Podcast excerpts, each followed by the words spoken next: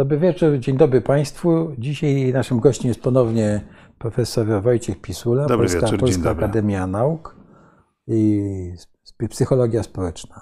Zwierząt. Psychologia, Zwierząt. psychologia zwierząt. Tak, Psychologia zwierząt, przepraszam. tak, psychologia tak to ważna zwierząt. sprawa w I Polsce Psychologia jest. porównawcza. Tak jest, tak, A jest. psychologia porównawcza, e, psychologia e, e, społeczna jest też ważna, prawda?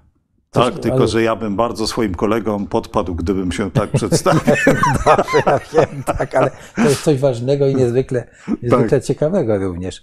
Proszę Państwa, będziemy rozmawiali o zwierzętach, bo co prawda na świecie toczy się wojna i jest dużo takich, świat się w ogóle zmienia, ale to nie znaczy, że mamy yy, nie zajmować się zwierzętami, bo nauka, rozumiem, yy, cały czas yy, trwa, postępuje, są badania, no a zwierzęta cały czas są z nami i powinniśmy o nich coraz więcej wiedzieć. E, Wojna też wpływa na zwierzęta, no bo od lat y, tysięcy były używane zwierzęta przecież e, jako narzędzia w cudzysłowie e, wojenne, w ogóle cywilizacje czy cały sposób prowadzenia wojny się zmieniał dzięki, dzięki zwi- zwierzętom. E, To, co widzimy na Ukrainie, no, wojna powoduje cierpienia zwierząt. E, I, mm, a my będziemy rozmawiali o takich sytuacjach nie skrajnych, tylko po prostu takich normalnych, pokojowych. I może zaczniemy, panie profesorze, od tego, jak e, my mamy się przygotować do życia e, ze zwierzętami, czy ze zwierzęciem. Jak, co mamy zrobić, żeby zwierzęta lepiej rozumieć? Nie chcę takiego pytania sprowadzić do, do tego, jak mamy być dobrym behawiorystą, ale czy behawiorystą, ale w ogóle co, co my powinniśmy robić? No, dzisiaj na przykład rozmawiałem z moim kolegą, który ma kota, tak, yy, żeby rozszerzyć sobie zakres naszej rozmowy. I on mi zaczął opowiadać nagle tak fajne rzeczy o tym kocie, że on się z tym kotem porozumiewa. Ale co tak, e, taki przeciętny, różne są przecież sytuacje, tak? Mamy mieć psa, coś tam, tak, no dobrze, już nie, nie, nie przedłużam tego. Znaczy, to jest bardzo fundamentalne pytanie, panie prezesie, dlatego że to jest tak, że my jesteśmy w trakcie takiej wielkiej zmiany kulturowej, cywilizacyjnej, w której e, zwierzęta zupełnie mm, zajmują zupełnie inną rolę niż do tej pory. My mm, wszyscy wyrośliśmy w takiej kulturze, w takiej cywilizacji, w której zwierzęta e, no, były traktowane instrumentalnie. E, My przecież zjadamy zwierzęta, e, my zwierzęta wykorzystujemy do pracy, czasem zwierzęta nas bawią. Potrafimy wykorzystywać zachowanie się zwierząt w oddziaływaniach terapeutycznych, ale to są ciągle narzędzia. To są ciągle narzędzia. A e, mnie się zdaje, i to jest chyba taki optymistyczny bardzo mm, sygnał, że coraz większa część, szczególnie tego młodszego pokolenia, jest skłonna spostrzegać y, zwierzęta w taki coraz bardziej podmiotowy sposób. To znaczy, traktować y, zwierzę nie jako e, właśnie jakieś narzędzie, przedmiot, pewien obiekt, z którym można coś zrobić, ale do pewnego stopnia, oczywiście to zależne jest od tego, o jakim zwierzęciu mówimy, jako pewnego rodzaju partnera interakcji, jakiego, jako takiego no, współtowarzysza w życiu, czy też w pracy, czy też e, w zabawie, ale gdzieś tam w naszych umysłach ta podmiotowość zwierząt troszkę dojrzewa. Więc jak pada pytanie, to jak powinniśmy się e, przygotować, e, uzbroić e, do, do właściwej relacji ze zwierzętami, to ja zawsze odpowiadam, no trochę się nimi zainteresować. E, e, pozdobywać trochę informacji. No, sieć dostarcza nam w tej chwili ogromnej szansy na, na łatwe i, i, i niepracochłonne zdobywanie, zdobywanie wiedzy. Oczywiście trzeba wiedzieć, czego szukać, ale, mm, ale tą wiedzę można zdobyć. E, I mm, jest parę, jest parę pułapek, e, w które my bardzo łatwo wpadamy. Bo na przykład wpadamy w taką pułapkę antropomorfizacji, uczłowieczania zwierząt, e, no też trzeba się jakoś troszkę nauczyć unikać e, tego, mm, e, tego błędu, ale generalnie jest tak, że ludzie, którzy się interesują zwierzętami, przechodzą pewnego rodzaju zmianę postawy.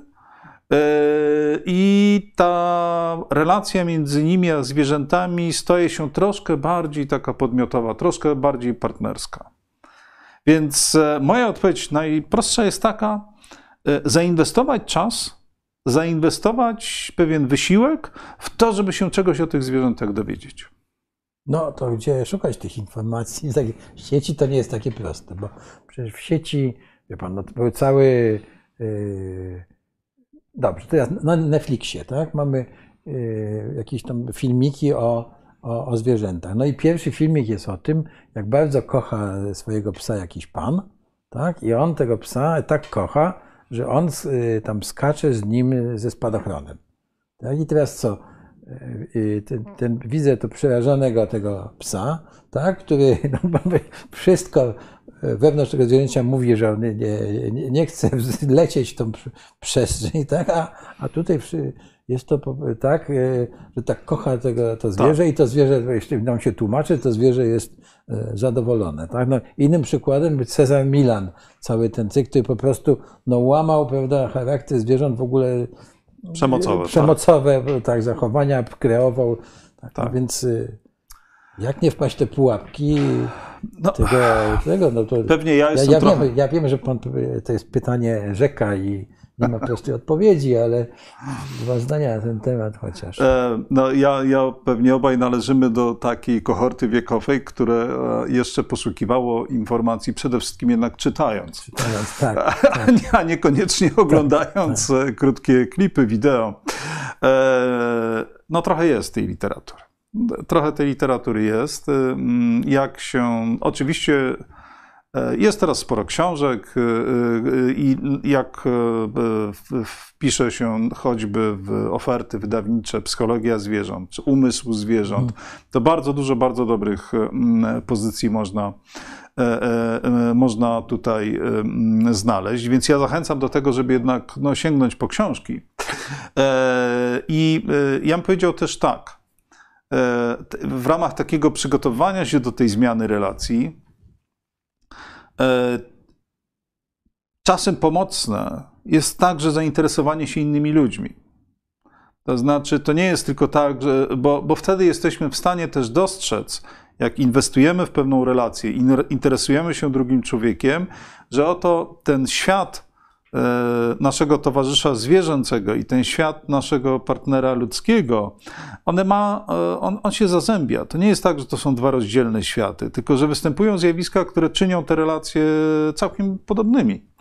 I jak e, na przykład e, mm, opiekunowie, mm, no właśnie też pracujemy nad sobą, żeby nie mówić właściciele psów, a opiekunowie, e, mówią, opowiadają o swoich e, e, mm, podopiecznych, e, że się tak dobrze rozumieją, że mm, czytają sobie w myślach, to, mm, to ja myślę, że to nie musi być prawda w rozumieniu dosłownym ale to jest ich subiektywna prawda, e, m, opisująca to, jak bardzo się do siebie dopasowali swoimi zachowaniami, jak potrafią się nawzajem nagradzać, czyniąc czyniąc sobie przyjemność. No przecież to takie przysłowiowe pogłaskanie psa. To my tego psa musimy nauczyć, że głask to jest przyjemne. To nie jest tak, że każdy pies od razu e, reaguje. e, Oczywiście, to nie e, jest to, tak. to, to one się tego uczą, że z tym człowiekiem, z tym dwunożnym, to ta interakcja tak przebiega, że jak on chce być miły, to nas głaszcze. Więc one się tego uczą i, i, i wchodzą w tą relację. A ponieważ też mają dużą potrzebę taką właśnie afiliacyjną, tworzenia tej relacji, no to inwestują w tą relację. No i my się tak nawzajem uczymy, że się właśnie poczochrać, pogłaskać, to jest, e, e, e, e, to jest e, fajnie. Więc e, e, porządnie się przygotować, to znaczy się zaangażować. Zaangażować się poznawczo, zaangażować się trochę wysiłkowo, zaangażować się emocjonalnie w poznanie tego drugiego. Rozumiem. Wróćmy jeszcze do tego głaskania. Ja wiem, że pan wiedział, że ja to zapytam. No bo co tam, co tam takiego się dzieje? Tak? E, e, ja tylko powiem jeszcze przykład od siebie, tak? że często mam psa, który przychodzi wiem, z pola, dziki, półdziki, tak? i po pewnym czasie, no jest długa praca i po pewnym czasie to zwierzę przychodzi i zaczyna się przytulać. Znaczy, używam e, słowa ludzkiego. Tak? I zaczyna e, poszukiwać. Nawiązywać kontakt no, fizyczny. Ale, tak, bo nagle, tak? I co się. E, no i jest głaskane. Większość psów nie lubi być głaskana po głowie, my tego nie widzimy, tak? ale jak nakręcimy filmik, bardzo polecam Państwu, jak macie psa, żeby nakręcać różne filmiki sobie. Ja kiedyś uważałem, że E, e, mój pies w schronisku, którym się opiekowałem, reaguje, bo go nauczyłem na, na siad. Tak? Mi się wydawało, że siada na komendę, na komendę ustną, a on na filmiku zobaczyłem już, już e, dobre kilka ułamków sekundy dużych przed tym, zanim ja wypowiedziałem siad, to on już wiedział, o co mi chodzi. Tak? Ale, ale tutaj, przepraszam, bo co się dzieje takiego na przykład w czasie głaskania? Albo co się dzieje wtedy? Dlaczego psy się cieszą? Znaczy zwierzęta. Jak się cieszą, to zaraz zapytam, ale Konrad Lewent opisuje swoją nie wiem, sukę tam Sisi w tej, tych książeczek, mm -hmm. tak, że on długo go nie było i nagle on wraca i nagle ta Sisi pędzi do niego, skacze, pędzi z powrotem.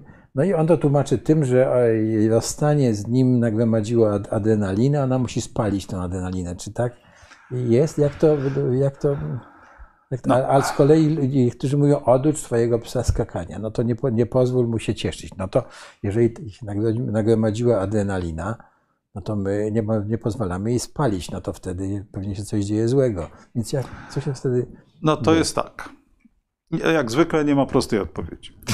E, jak mówimy o psach, czyli ssakach, mhm. to mówimy o zwierzętach, które się dotykają ssaki się dotykają.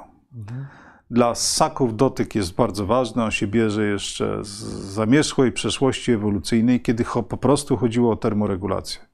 Kiedy te prymitywne ssaki żyły w cieniu wielkich e, gadów i były gdzieś tam na obrzeżach e, e, nisz ekologicznych, funkcjonowały przede wszystkim w nocy, przede wszystkim pod silną presją drapieżnych mm, gadów. W związku z tym gdzieś tam te, w tych chłodach e, e, to przytulanie się dawało zwiększenie, tak, zdawało, dawało ochronę cieplną. Ale na bazie tego podstawowego mechanizmu okazało się, że dotykanie, szczególnie w warunkach ciemności, a tak funkcjonowały ssaki, przecież do dzisiaj większość ssaków to są zwierzęta nocne. Mhm prawda? Jest wśród nas wielu obserwatorów ptaków, bo ptaki są głównie dzienne.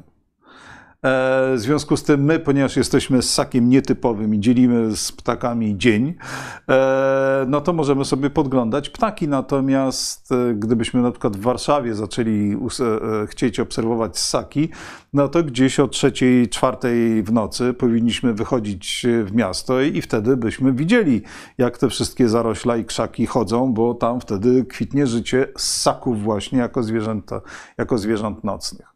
Więc dotyk dla ssaków jest bardzo ważny i bardzo wiele gatunków ssaków, szczególnie ssaków społecznych, a jak mówimy o psach, to mówimy o, o ssakach e, społecznych, e, włączyły dotyk w system mm, tworzenia relacji społecznych. W związku z tym to, że psy się nawzajem dotykają, liżą, ocierają o siebie. Jak śpią, to często właśnie przytulone mm, e, jeden przy drugim. E, e, jest ich normalnym, prawidłowym zachowaniem. I teraz my się wbijamy w ten, w ten psi, wilczy repertuar zachowań, a ponieważ mamy do czynienia ze zwierzęciem niezwykle plastycznym i dobrze się uczącym, no to trochę my się uczymy, a trochę one się uczą z nami e, mhm. w tego typu relacje, w tego typu relacje wchodzić. W związku z tym jest e, bardzo szybko, bardzo szybko jest tak, że to wejście w dotyk, e, w kontakt fizyczny jest po prostu nagradzające i uwaga, nagradzające dla obu stron. To co, jest... co nagradza? Znaczy, jak, jak to się dzieje? W... E, nagradza mm, prawdopodobnie, bo to jest bardzo, myślę, wielopoziomowy mechanizm.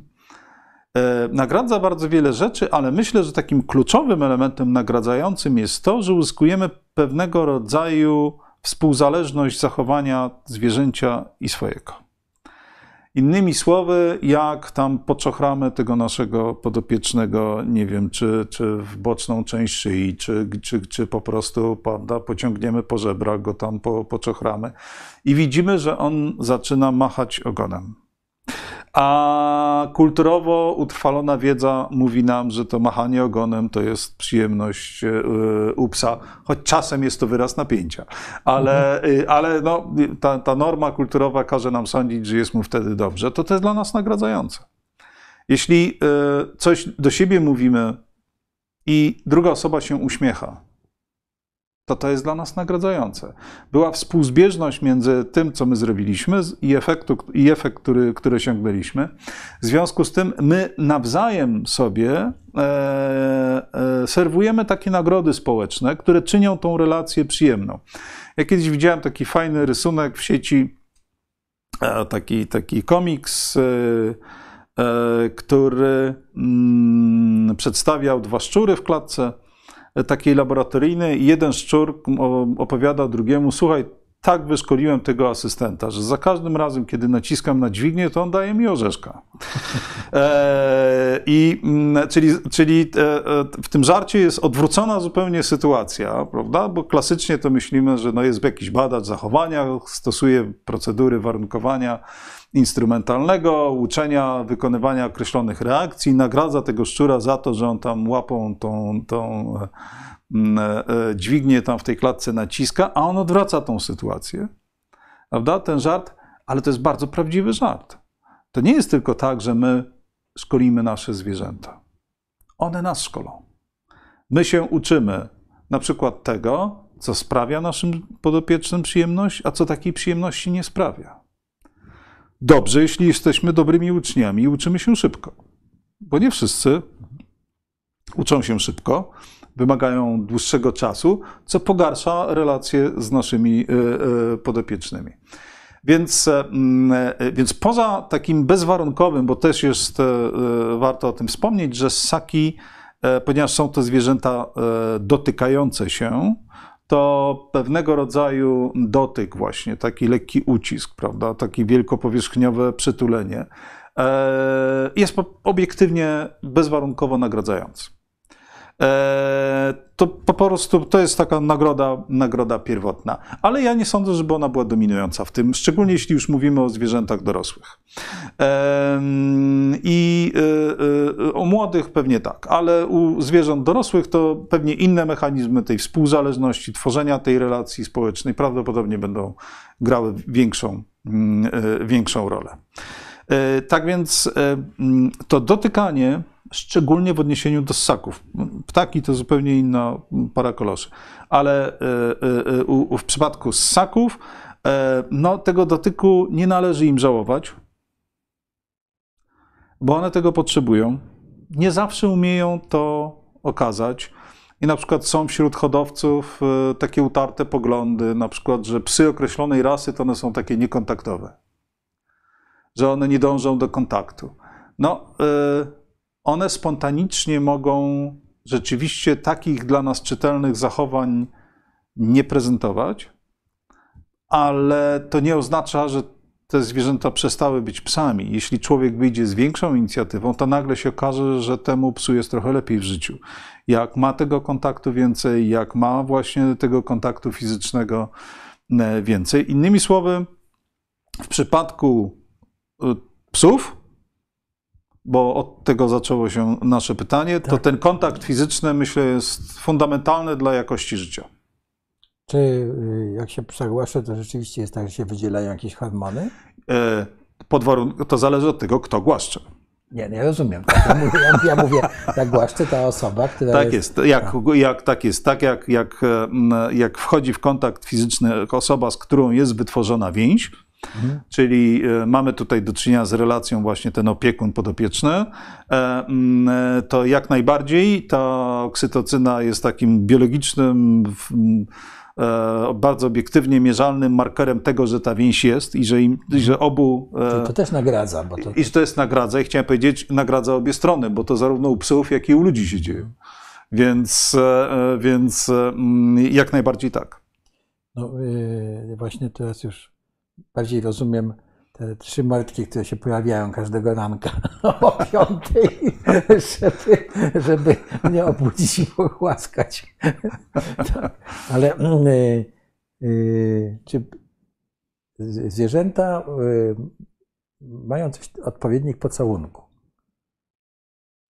Znaczy ja rozumiem, że pewnie to jest bardzo różne różnych, ale na przykład moje psy, te, które najbardziej mnie lubią, prawda, no to yy, na przykład w pewnym momencie zaczynają, prawda, mnie tak iskać. No i wtedy yy, gdzieś tam wyczytałem, że to jest ten psi pocałunek. Zresztą taki obserwator włoski takich psów, watach psów, które w pewnych rejonach psów one są tam szczepione, yy, leczone, ale żyją sobie jako wolne. No też właśnie tworzą yy, te watachy. No i też są takie kastrowane, są interakcje między nimi, prawda, że jest to wi- wiskanie. Na przykład k- moja kawka, którą miałem, prawda, siadała mi na ramieniu i wszyscy mówili uważaj, bo ci oko wydziobie. Tak? A, a, a, yy, A z profesor- jakiego powodu miałaby to uczynić? profesor Luniak mówi, co za bzdury, prawda? Jak miałem No sobie wydziobać oczy, ja miałem, e, mieszkał profesor, miałem taką e, e, przyjemność, że mieszkał, bo mówi, co za bzdura, jakby miały sobie wydziobywać oczy, to by przecież przestały istnieć, tak. Tak, Więc, tak. e, ale chodzi mi o to, że przeczesywała mi tak dziobem włosy, tak, to Mhm. stworzenie. Czy to są, czy to są te, no więc patrz, wróćmy do tych pocałunków. Strasznie ryzykowne słowo to No, pocałunek, ale, ale- ja bym powiedział tak, to jest, jest taka forma mm, e, interakcji e, i zarówno wśród ssaków, jak i, jak, i, jak i u ptaków. U ssaków nazywamy to z angielskiego zwykle grooming, a, czyli takie czyszczenie futra, takie Mhm. właśnie de, delikatne mm, przeczesywanie To mm, jak sierści. cholera, bo to przecież E, nie mam A mm, i u, u, u, u ptaków zwykle to właśnie z angielskiego nazywamy to preening. I, mm, i, I szczególnie interesujący wariant tego zachowania jest wtedy, kiedy to są takie czynności nawzajem sobie świadczone. Mhm. E, I, e, I to pełni funkcję budowania więzi. Nie ma co do tego najmniejszych wątpliwości. Natomiast jest też troszkę komunikatem na temat tego, jaką kto pozycję społeczną zajmuje. Dosyć, szyb, dosyć wcześnie mm, y, y, badacze mm, zachowań takich hierarchicznych u pawianów płaszczowych na przykład y, zauważyli, że taki samiec alfa to ma taki przywilej, że może podejść do każdego w, w grupie i go poiskać. Mm. Ale nie każdemu wolno do niego podejść i go poiskać. E, On, roz, on rozdaje ten przywilej. On rozdaje ten przywilej komu wolno, a komu nie wolno. No to już tak zbliżamy się do homo sapiens. Więc, e, więc e, e, to, to jest budowanie więzi, ale nie jest to eliminacja relacji dominacji bądź uległości. E, Zwykle jest tak, że propozycja mm, tego poiskania, wejścia w tego typu interakcję płynie z, ze strony osobnika stojącego niżej w hierarchii, a ten dominant łaskawie akceptuje bądź odrzuca taką propozycję. Niemniej u obu aktorów e, tej sceny obniżają się poziomy e, wskaźniki stresu, e, poprawia się dobrostan, e, czyli jest to taka ważna e, e, relacja, niezależnie od tego, że gdzieś tam ten element dominacji uległości jeszcze może występować. Czyli nie należy zakazywać psu tego Yy, Czyli rozumiem, Aczkolwiek pewnie można podbać jednak o trochę dominującą swoją pozycję i nie zawsze na to pozwalać. no tak. tak yy, Traktować to można to traktować jako element nagrody. No to, ale to już manipulujemy zwierzęciem wtedy. No, e, wie pan, sobą No. też manipulujemy i też sobie raz dajemy nagrody, nie to. Nie ma w manipulacji, nie ma inherentnego zła, ja bym powiedział. No, e, Wszystko zależy od tego, w jakim celu my to robimy. Więc e, tutaj no, dzieci, dziećmi też troszkę manipulujemy, tak? Wychowujemy je, skłaniamy do różnych, e, do różnych zachowań. Jeżeli robimy to, że tak powiem, w dobrych celach, to to, to jest słuszne i prawidłowe. To poświęćmy troszkę czasu tej dominacji, bo te te teorie dominacji wśród zwierząt, one nie dotyczą tylko psów i psowatych, tak, tylko w ogóle prawda, domina, świat jest zbudowany na dominacji. Tak? I czy na ptaki, prawda, ta y, kolejność dziobania, tak? Ja nie, Tak, nie wiem, tak, taka tak, kiedyś. tak, tak, tak.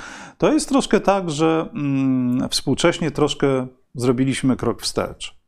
To znaczy, mm, myślę, że gdybyśmy rozmawiali 30-40 lat temu, to pewnie wszyscy by mówili o tych teoriach dominacji i, i właśnie tak jak, tak jak pan mówił, o tych listach rankingowych, tych drabinkach dziobania i tych takich.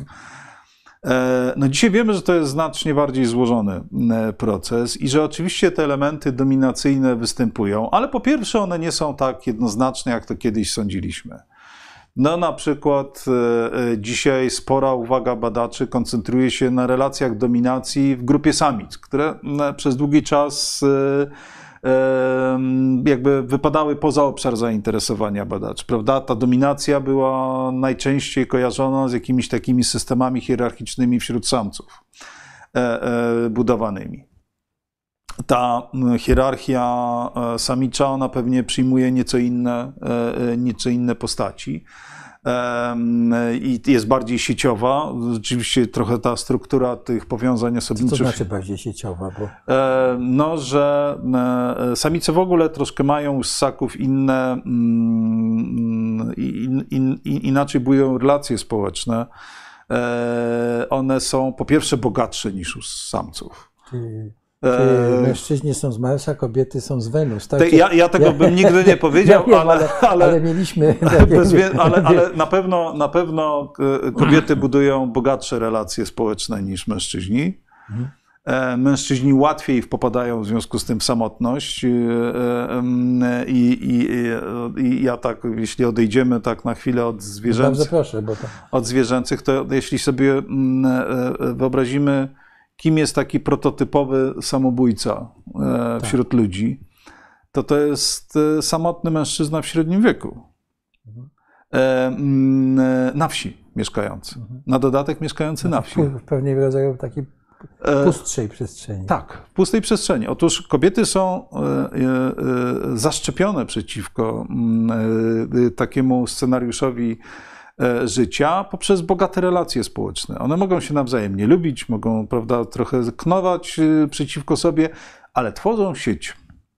Tworzą sieć powiązań, które zresztą na przykład w naszych e, e, rzeczywistościach, choćby samorządowych, możemy bardzo za, za, zaobserwować. Przecież kobiety są bardzo aktywne, tworzą niezwykle No, bogate. Widzimy, widzimy to zawsze. Nie- Nie, wiem, jak to nazwać. Nie, nie, nie ośmielę się tego nazwać e, e, renesansem kobiet, ale Ale oczywiście, one Ale- tworzą niezwykle bogatą, że tak powiem, sieć inicjatyw, decy ruchów, grup, powiedziałbym, zajmujących się różnymi rzeczami. No to jest troszkę ekspresja tej bardzo pierwotnej e, właściwości zachowania e, e, u zwierząt, samic i, i u ssaków samic i, i samców, a u ludzi kobiet i mężczyzn, która wyrażała się tym, że samice bardzo często tworzyły koalicje, tworzyły taką, powiedziałbym, silnie spokrewnioną, bo to były często grupy krewniacze, ale takie właśnie grupy koalicyjne, które świadczyły sobie nawzajem, na- nawzajem pomoc i ta, ta, ta, ta, ta, ta przeszłość ewolucyjna do dzisiaj w nich tkwi.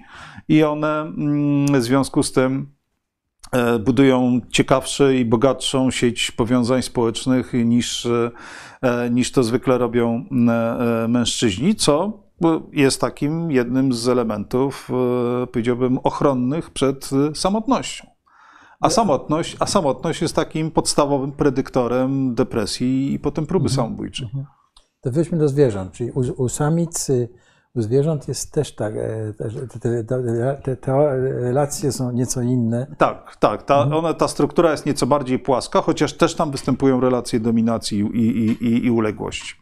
Nie ma co do tego najmniejszych wątpliwości. My dopiero zaczynamy się dowiadywać, jak ciekawe relacje społeczne y, mogą rozwijać niektóre ptaki. Bo mm, tak naprawdę odkrycia ostatnich 20-30 lat dopiero otwierają nam oczy na to, jak ciekawe powiązania społeczne i ciekawe więzi powstają, na przykład u krukowatych. E... No, te kawki, które widzimy na skwerach, to wspólne wychowywanie piskląt, ta radość z życia, te, te, to wspólne odganianie, przecież to są, to kawka powinna być takim symbolem, wie pan, Polski. W naszej, w naszej, tak, w naszej, w naszej szerokości geograficznej jak najbardziej. To, to u nas jest, to jest bardzo, myślę, jeszcze za mało badane zwierzę. To, to ja Przepraszam, się... bo ja, tak, a ja, ja po prostu jestem zakochany w... No, ja się nie dziwię, ja się nie dziwię, bo to są niezwykle, nie, nie, niezwykle interesujące zwierzęta. E, ale zobaczmy, e, ptaki inaczej budują więź, tego dotyku jest znacznie mniej. Mhm. I wracając do Pańskiego podstępnego pytania na temat pocałunku, mhm. to pewnie łatwiej bym znalazł ten pocałunek u ptaków niż u ssaków.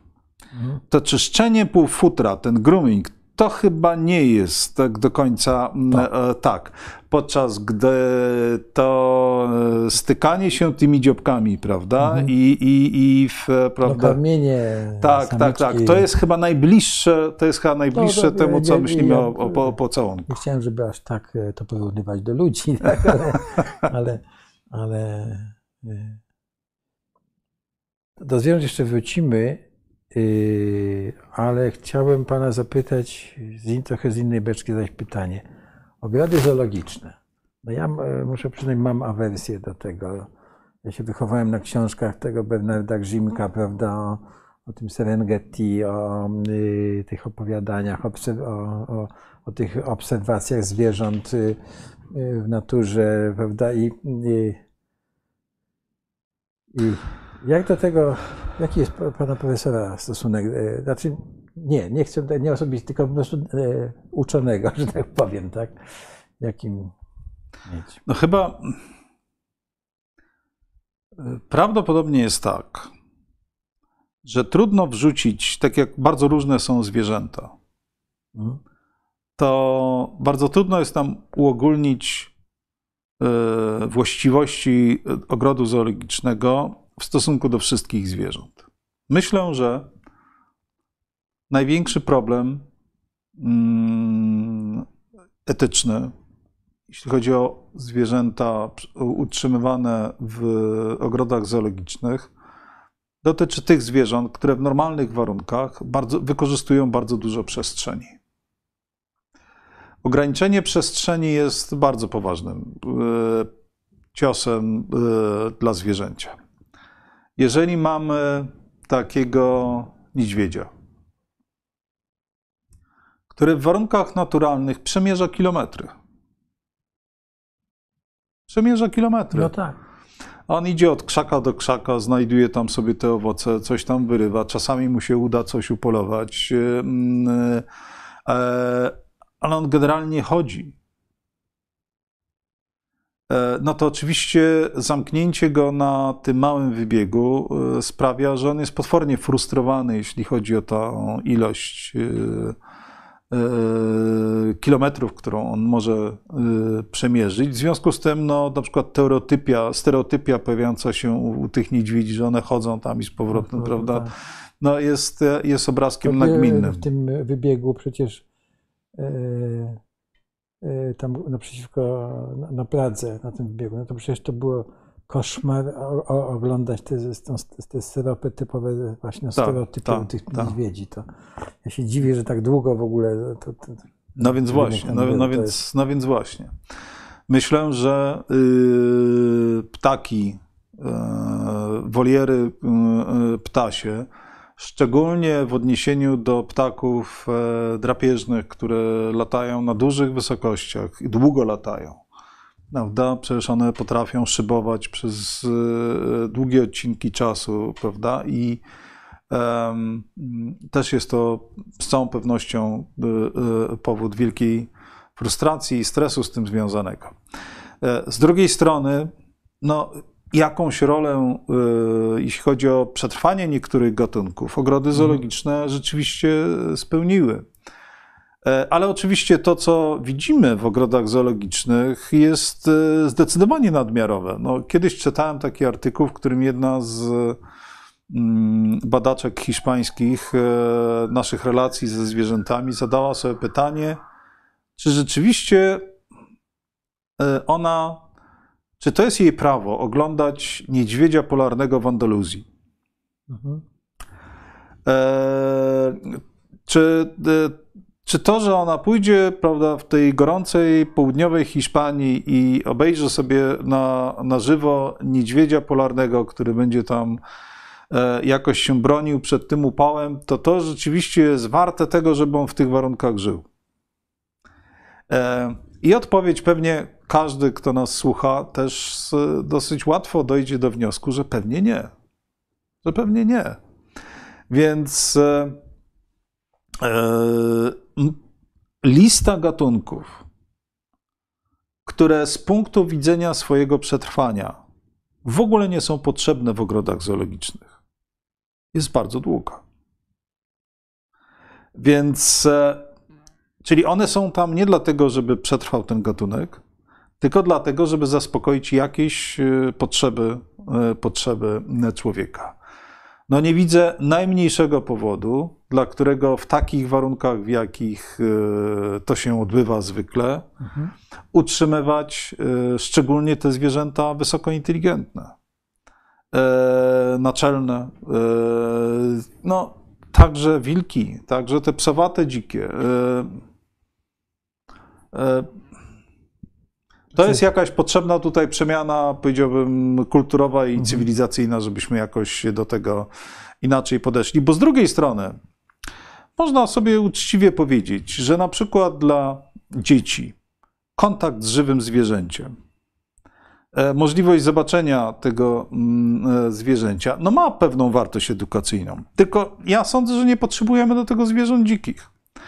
Możemy e, farmy edukacyjne e, organizować, gdzie będą sobie w dobrych warunkach żyły e, zwierzęta, które od, la, od, od tysięcy lat są z, z człowiekiem, prawda? Owcy, kozy, bydło, świnie, gdzie ten kontakt będzie możliwy i ta wiedza będzie także w jakiś sposób przekazywana, a nie będzie to, powiedziałbym, tak dużym wykroczeniem przeciwko dobrostanowi tych zwierząt, bo one są przystosowane do tych warunków. Mhm. Więc e, to wymaga jakby przedefiniowania całego myślenia o, o tym, o czym zaczęliśmy naszą rozmowę, naszej relacji ze zwierzętami. E, Dziękuję bardzo. Chciałbym wrócić jeszcze do tych e, e, kontaktu, dotykania się. E, No bo na każdym kursie takim behawioralnym, w którym uczestniczyłem, po pierwsze psy się nie dotykają, tak? I tutaj pan profesor mówi zupełnie coś e, przeciwnego, tak? Że, że to jest jednak, pochodzi z tych, e, z czasów, prawda, zlodowaceń, kiedy- czy tych nawet, prawda, Ja rozumiem, że w warunkach szkolenia, kiedy na placu spotykają się psy, które się zasadniczo nie znają, Tak, to one się dotykają. przekroczenie dystansu e, fizycznego jest oczywiście niezwykle stresującym wydarzeniem dla tych zwierząt. Dotykają się jednostki sobie bliskie. Tak. Więc, No śpią razem, tak, to, no więc to widać, tak. no to, no to, to mówimy o dwóch zupełnie różnych W jakim rzeczach. kontekście to jest na ogół mówione, prawda, że e, no my się obejmujemy, tak, ludzie, bo jesteśmy e, małpami, chodzimy od ma i małpy się obejmują, to widać, tak? E, Chociaż nie, nie wszystkie, ale no, ma- matka ob- obejmuje małe, prawda? No, obejmuje, tak. Natomiast y, no, y, te, te inne to się nie, nie obejmują. W związku z tym mamy mnóstwo scenek takich y, w, w internecie, kiedy są dzieci i psy, tak? I nagle widać to dziecko, jak e, obejmuje psa, a ten pies robi wszystko, tak, żeby się od tego, że nienawidzi tego uścisku. Tak? I to, to po prostu musimy być chyba na to jakoś, jakoś, wyczuleni. bo- Kontakt fizyczny, bezpośredni kontakt fizyczny to jest przywilej bliskich. Mhm. To, to, to, to, to byłoby nienormalne, gdyby pies dopuszczał do kontaktu fizycznego e, osobniki, inne psy, czy też ludzi obcych. Mhm. E, Więc e, to jest, no przecież na tym polega u bardzo dystansowych często zwierząt rytuał zalotów, że ten dystans fizyczny w wyniku powolutku się, powolutku się zmniejsza. E, Kontakt fizyczny to jest pewien finał. To jest pewna jakby ukoronowanie przełamywania dystansu e, takiego psychicznego między e, partnerami i, i, i to samo się dzieje, no przecież nikt z nas przy zdrowych zmysłach, na przykład podejmując się opieki nad psem, czy naszych przyjaciół, czy po prostu przyjmując do swojego domu psa ze schroniska, nie rzuci się na niego, żeby go tam wyściskać. A da, trochę tego rozumu mamy. No, No, e, no są tacy, którzy nie mają tego rozumu. To się, no to się różnie kończy. Różnie tak. kończy, tak. Na ogół wtedy pies jest winien, prawda? No więc właśnie, no więc właśnie, no więc właśnie, że nie zrozumiał, że ja chciałem dobrze. No nie zrozumiał, to nie był ten język. E, więc No e, Właśnie, nie był ten język. to nie był ten język. Przełamywanie dystansu fizycznego jest stopniowe i najlepiej, jeśli e, decyzję o tym, e, mm, jak ten dystans jest e, prze, przełamywany, podejmuje ten, kto jest, ma wyższy poziom lęku, czyli w tym wypadku pies. To jego obniżający się poziom lęku będzie, że tak powiem, tą przepustką do stopniowego zmniejszania dystansu i nawiązania tego kontaktu fizycznego. Panie profesorze, czy zwierzęta potrafią być szczęśliwe i jak się wtedy zachowują? Ja już znowu nie chcę e, pytać o psy, ale rozumiem, że kiedyś usłyszałem, tak. usłyszałem takie zdanie, prawda, że są w naszych sypialniach od stuleci, a, a najmniej o nich wiemy, więc, e, więc e, ta wiedza o psach też pewnie ostatnio się bardzo rozwinęła, ale wcale nie było tak zawsze. Tak, ale no, czy, czy, zwierzęta się cieszą i Ja myślę, że to, że to pytanie pada, jest dosyć trafnym odzwierciedleniem tego, że relatywnie późno dowiedzieliśmy się o tym, że niektóre zwierzęta, akcentem na niektóre, doświadczają takich stanów y, psychicznych, które y, moglibyśmy nazwać radością, cieszeniem się. E, Bo bardziej pierwotne są te systemy emocyjne, które są związane z awersją, żeby czegoś unikać. I bardzo dużo zwierząt potrafi cierpieć, ale trochę mniej potrafi się cieszyć. To ciesze, zdolność do cieszenia się to jest wyraźnie wyższa półka filogenetyczna, wyższa półka ewolucyjna.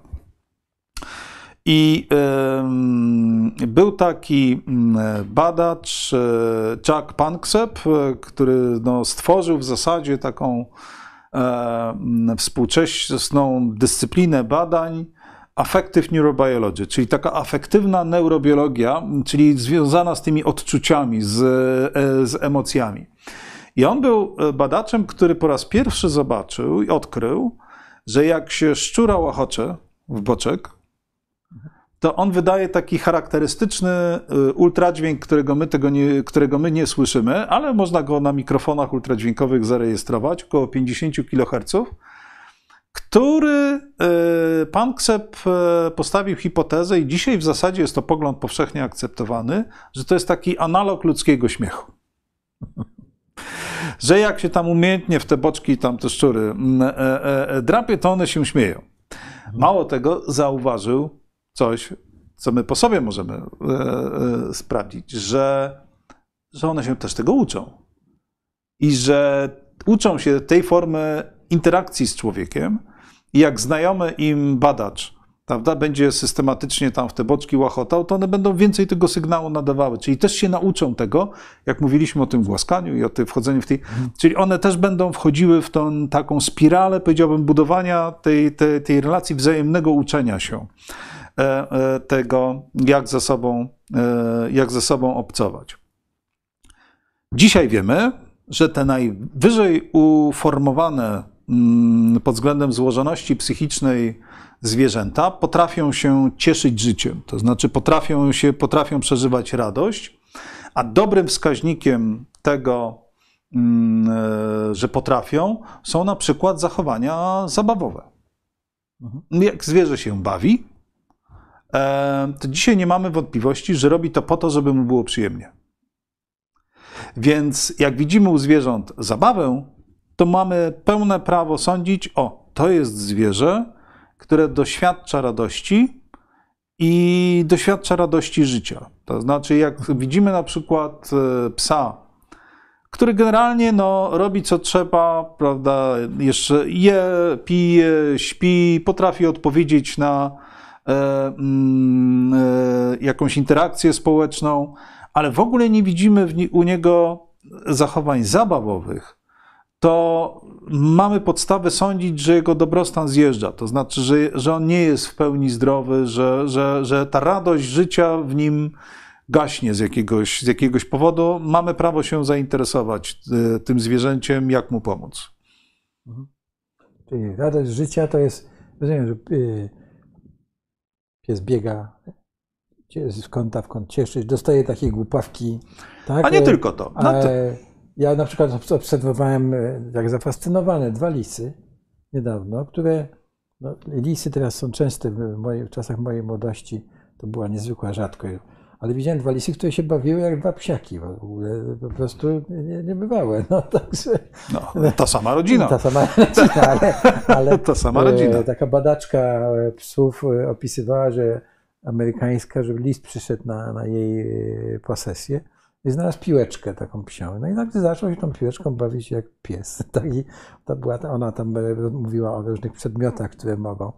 Tak, więc, ale nie, pan profesor tutaj powiedział niezwykle ważną rzecz. To znaczy, jak zwierzę się nie bawi, to znaczy jego dobrostan jest. Jeżeli wiemy, że no, jeżeli mówimy o zwierzętach należących do gatunków, o których wiemy, że się bawią. Tak, oczywiście. Tak? I czy widzimy. Ptaki, a czy ptaki się bawią? Yy, nie wszystkie. Nie wszystkie.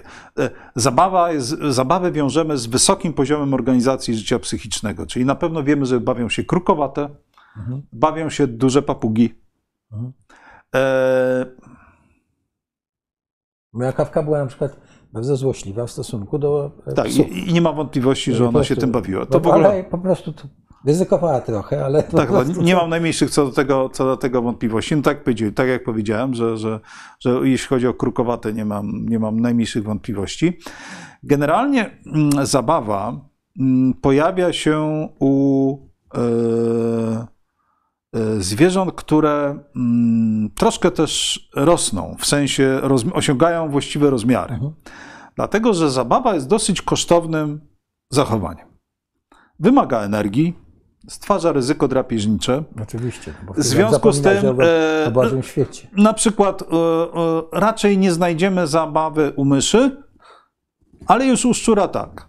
E, tak, to widziałem na własne oczy. Więc i generalnie u zwierząt większych znajdziemy tej zabawy więcej. Mówimy o porównaniach międzygatunkowych, a nie, mhm, indy, a, tak. a nie indywidualnych.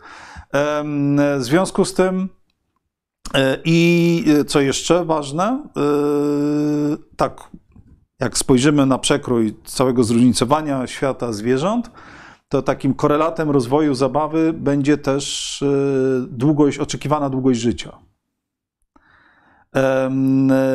I no, wiemy, że słonie potrafią się bawić. No i żyją. Prawda? Więc. To znaczy, że jak się bawi, to dłużej żyje? czy, czy, to jest, to czy, znaczy, że ma wystarczająco dużo zasobów, powiedziałbym, psychicznych mhm.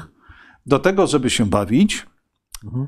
E, z tym się wiąże zdolność do gromadzenia wiedzy, do uczenia się. Mhm.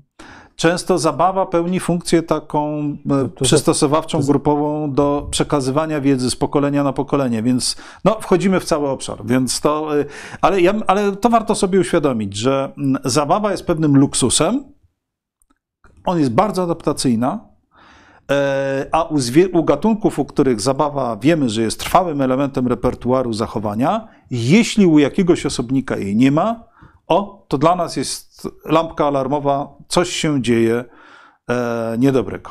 Czy zabawa ma też y, takie funkcje, że y, więzi społeczne się e, pogłębiają? Ale oczywiście jednym z elementów zabawy, tylko tej zabawy społecznej, tak, wtedy kiedy bawimy się z innymi, to jest budowanie, jest budowanie więzi, to ich funkcją biologiczną tego jest budowanie więzi, ale uwaga, ale zwierzęta nie po to to robią. Mhm. E, Nie, czym to- innym to- jest motywacja. pytanie, to co chcę panu profesorowi zadać, to czy, e, czy mam w takim razie, czy ma, mamy się bawić dużo ze swoimi psami, jeśli chcemy z nimi mieć y, jeszcze lepsze e, więzi? Nie mam najmniejszych wątpliwości. Ta zabawa nie musi być dzika. Nie, no ja Ona, nie, ona, ma- no ona, nie, nie chodzi mi o zabawę, głupio rzucamy piłkę i pies lata, Tak. przepraszam za słowo, tam, tam Tak. jest z powrotem i w ogóle nie- ma w tym... Zabawa jak najbardziej może zawierać elementy szkolenia. Szkolenie jest dobre dla zwierząt. Był E, Majek świętej, psiej świętej pamięci, bo uwielbiał tu przychodzić i, Tak i chowałem piłeczkę tam na górze, szukaj piłeczki i on po prostu szalał, żeby, żeby, żeby szukać piłeczkę, a jeszcze z nim bo on szukał, już w ogóle było. No więc właśnie, więc właśnie. Zabawa nie musi być nieuporządkowana, ona może być uporządkowana, ona może zawierać elementy szkolenia. Tak jak powiedziałem, to jest dobrze dla dobrostanu zwierząt, jeśli. Czyli takie nowoczesne szkolenie chyba psów, y, żeby poszukać narkotyków, polega na zabawie. Dob- Dobrze e, I pamiętam? tak jest. E, No, nauka przez zabawę jest jedną z najlepszych e, e, metod, jakie wynaleźliśmy w stosunku do ludzi. Mhm. I nie ma powodu, żebyśmy inaczej potraktowali zwierzęta wysoko uorganizowane, czyli na przykład takie jak psy, takie jak delfiny, takie jak krukowate. E, te- te- te- Czyli tam, gdzie jest e, duży zasób złożoności psychicznej. No, rozumiem, że rozmawiam z psychologią, ze specjalistą, z panem profesorem psychologii zwierząt, ale rola zabawy u dzieci na przykład? Może pan coś powiedzieć na ten temat? Znaczy, Jak, jak, jedną, się, jak, się, jak się z dziećmi nie bawimy, to robimy im krzywdę chyba, nie? W latach 50. to na strasznie niepoprawną polityczną ścieżkę mnie pan tutaj zwiódł, ale To nie, to może pan powiedzieć nie. nie, ale nie to, a nie, ja podejmę to wyzwanie. Ja podejmę to wyzwanie. Lata 50. ubiegłego stulecia to były takie dziwne lata, kiedy po, woj- po II wojnie światowej e, rozbuchała się konsumpcja e, w Stanach Zjednoczonych. E, Kłopot polegał na tym, że mężczyźni wrócili z wojny, mm, w związku z tym kobiety straciły pracę, e, wróciły do domów, a już to nie były te same kobiety, co, co wcześniej. Oczywiście, tak. Też miały rozbudzone aspiracje, e, mm, chciały być aktywne i powstało bardzo silne napięcie takie społeczne na, na tym tle. W związku z tym fortuny zbijali psychoterapeuci.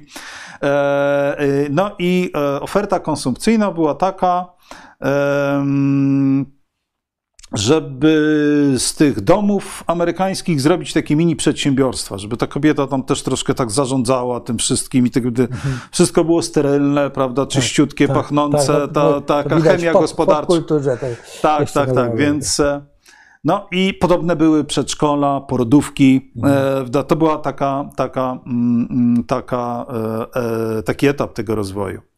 I pojawił się taki badacz, relat, który skoncentrował się na tworzeniu relacji matka-dziecko, który badał rezusy, Harry Harlow, który mm, odkrył rzecz e, następującą, że podstawowym parametrem bezpieczeństwa małego rezusa jest kontakt fizyczny z matką. E, On zrobił takie bardzo brutalne doświadczenia. Izolował rezusy małe od e, z Matek. I dawał sztuczne matki. Jedna była druciana, miała butelkę mleka, a druga była pluszowa. Nie miała mleka, ale był plusz. Otóż te małe rezusy spędzały większą część czasu przytulone do tego plusza, tylko potem się e, przemieszczały, żeby wypić mleko. Było bardzo wiele wariantów tego doświadczenia, ale ono wywróciło do góry nogami myślenie w ogóle o y, relacji y, matka-dziecko także w kategoriach ludzkich.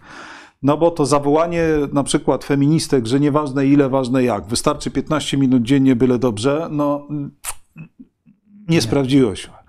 Nie, e, dla rozwoju młodego ssaka potrzebny jest kontakt fizyczny. Potrzebny jest kontakt fizyczny ze stałym obiektem. Późniejsze badania nad przywiązaniem no, pokazały, że jeśli chodzi na przykład o człowieka, to jednak te pierwsze 2-3 lata życia to są kluczowe z punktu widzenia formowania więzi i że e, za dawnych czasów słusznie minionych pomysł e, trzyletniego urlopu wychowawczego był, abs był absurdalny z punktu widzenia ekonomii, z punktu widzenia pracy człowieka dorosłego, ale z punktu widzenia rozwoju Dziecka. dziecka to nie. To, to nie był zły pomysł.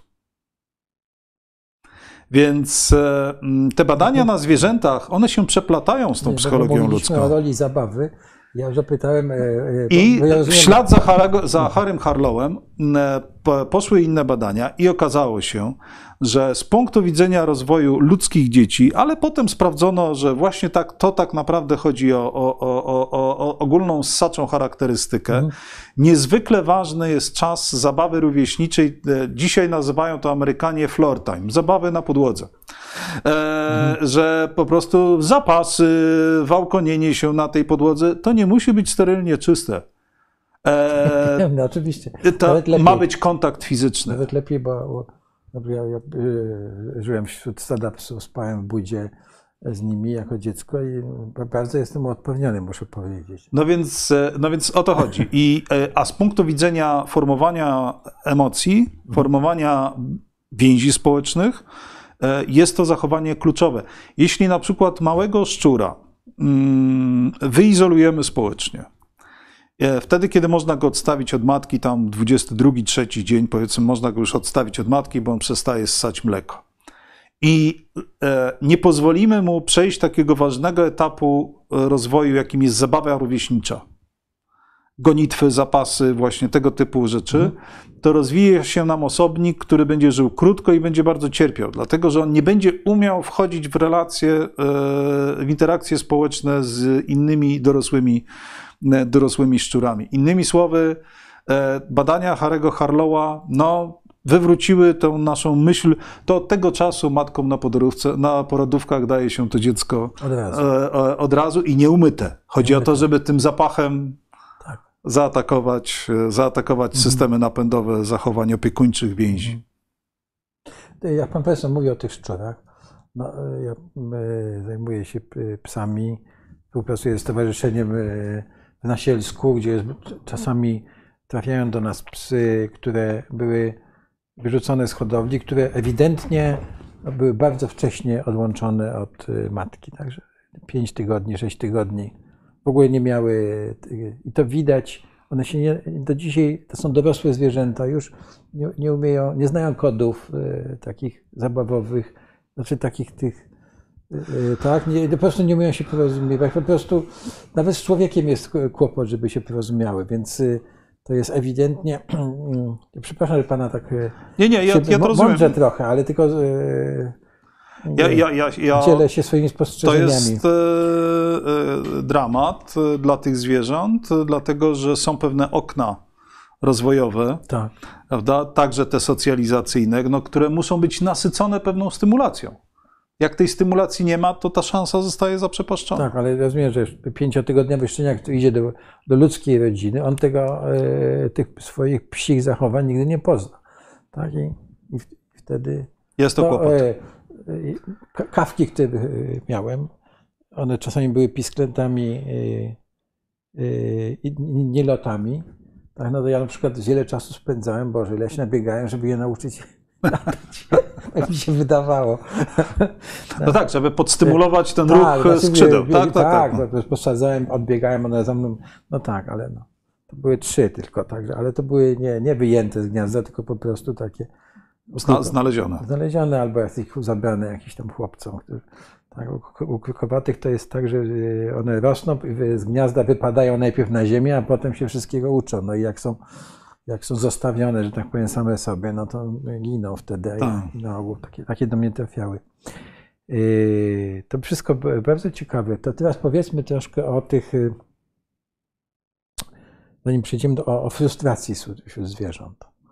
Czy jest takiego coś, że zwierzę się, zwierzęta się frustrują i że prze, zaraz zobaczymy, czy mamy jakieś pytania, ale ja jeszcze o zabawie chciałem powiedzieć, że kiedyś wyczytałem, że, że, tak, że wielkie żółwie Galapagos potrafią się bawić i podobno je obserwowano w ten sposób, że one strącały kamienie i patrzyły, y, ten kamień leci, że to im sprawiało jakiegoś rodzaju przyjemność. Nie wiem, czy pan to spotkał kiedyś, ale E, Ja myślę tak, że to jed- nie była zabawa taka, że żółw się tam, nie wiem, przewracał, czy, no bo nie mógł, ale właśnie te zabawa tymi kamieniami jakoś tam była. no, każdy bawi się tak, jak może.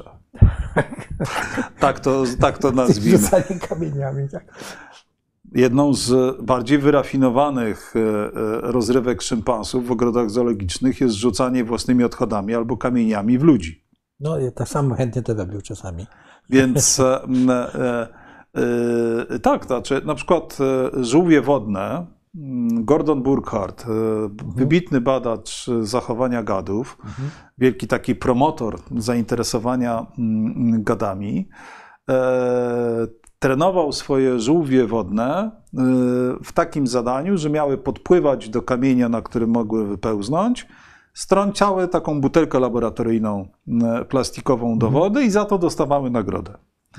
Otóż on, on zauważył, że one generalnie lubiły to robić. Niezależnie od tego, czy tą nagrodę dostawały, czy też, e, czy też nie. W zabawie jest bardzo ważny element, który taki badacz amerykański Bela Kish e, e, e, nazwał wzmocnieniem sensorycznym. To wzmocnienie sensoryczne to jest taka nagroda, która mm, wynika z tego, że coś się zmieniło w naszym polu bodźcowym w wyniku naszego działania. Jeśli Państwo y, nas słuchający, czy Pan Prezes pewnie jako dziecko pamięta, albo, albo dzieci lub wnuki też to na pewno robiły, czyż nie lubimy podejść do ściany i popstrykać kontaktem? O, to dzisiaj to ma. A no, y, właśnie. Albo y, y, leci muzyka z radia, a pan raz głośniej albo ciszej. No. Otóż to, że nasze działanie powoduje zmianę tego pola bodźcowego, jest nagradzające. O, błyskanie latarką. Tak jest. I, y, i to jest, y, nie wyczerpuje całości zabawy, ale to jest ważny składnik zabawy. W związku z tym nie mam wątpliwości, że to zachowanie, o których, m, tych żółwi, o których pan wspomniał, że one coś spychały i potem żółwie mają dobry wzrok, więc mogły obserwować, e, e, nie brzmi nieprawdopodobnie. Ciekawe, czyli miał rację. To były nie wiem, 60 lata chyba, kiedy to wyczytałem. Yy, To, to chciałem zapytać Pana o frustrację. Czy zwierzęta się frustrują? I czy w związku z tym może być tak, że u, u zwierzęcia, na przykład u psa przywiązanego na łańcuchu, który się miota cały dzień, narasta frustracja, jak on się z tego łańcucha zębie, to na przykład wtedy jest taki, że, że może pogryźć, że atakuje, że musi gdzieś wyładować ten. Jak to się dzieje, jak, jak to w ogóle przebiega tak we, wewnątrz, jeśli chodzi o, o procesy, nie wiem, fizykochemiczne, czy jak, jak je tam na, jak je nazwać? e, takie myślenie o popędach, że oto jest pewna akumulacja, którą gdzieś trzeba w pewnym momencie rozładować, miało swoje mm, umocowanie we wczesnym etapie rozwoju psychoanalizy. To Freud tak nam mówił, że popędy się gromadzą, gromadzą i gdzieś muszą tam to swoje ujście znaleźć. No, dzisiaj wiemy, że to trochę inaczej, ale frustracja występuje. Nie ma co do tego najmniejszych wątpliwości. Wszędzie tam, gdzie e, występuje silna motywacja do czegoś, jakiś silny napęd. E, Zacznijmy od bardzo podstawowych. Napęd głodu. Mhm. I jest na przykład przynęta w postaci prawda, silnego zapachu. Jest, i, I zwierzę nie może się do tego pokarmu e, dostać.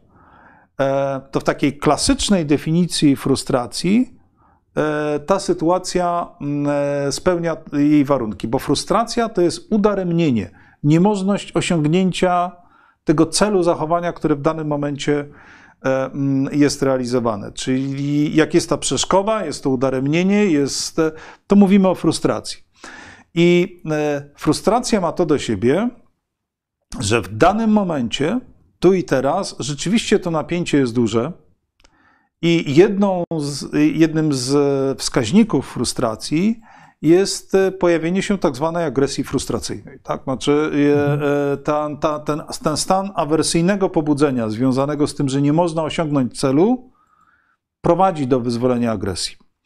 I to może być agresja skierowana na dowolnego innego osobnika tego samego gatunku, na człowieka, na przedmiot martwy. Bo to jest agresja niefunkcjonalna z punktu widzenia relacji społecznych, tylko jest to raczej e, właśnie to rozwiązanie silnego napięcia, rozwiązanie tego, tego, tego napięcia związanego z, z frustracją. I w tym sensie ten przykład z łańcuchem pasuje. Mhm. Dlatego, że mamy do czynienia z bardzo dużą, powtarzalną frustracją w momencie, kiedy ta przeszkoda e, zostaje zniesiona. E, no, mamy bardzo silne pobudzenie popędowe i dowolny obiekt może być narzędziem do redukcji tego napięcia popędowego. To jaki jest mechanizm redukcji tego napięcia? Czy w momencie, kiedy pies, y, przepraszam, ciągle mówimy o psach, no ale to są naj, naj, najbardziej znane nam zwierzęcia. Y, kogoś zaatakuje, to jest rozładowanie tego. Jeżeli to napięcie zostaje skanalizowane w łańcuchu na przykład działania łowieckiego, mhm. czyli mamy to tak, tak, naprawdę atak o charakterze łowieckim, mhm.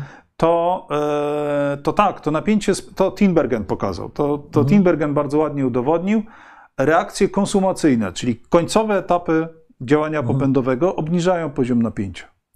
Czyli gry, samo gryzienie, e, to dlatego jak żujemy gumę, to się uspokajamy. To e, napięcie związane z głodem trochę słabnie. Tak? Mhm. Reakcja konsumacyjna, nasza praca żuchwą przynosi pewien poziom uspokojenia i jemu też. Mhm. Rozumiem.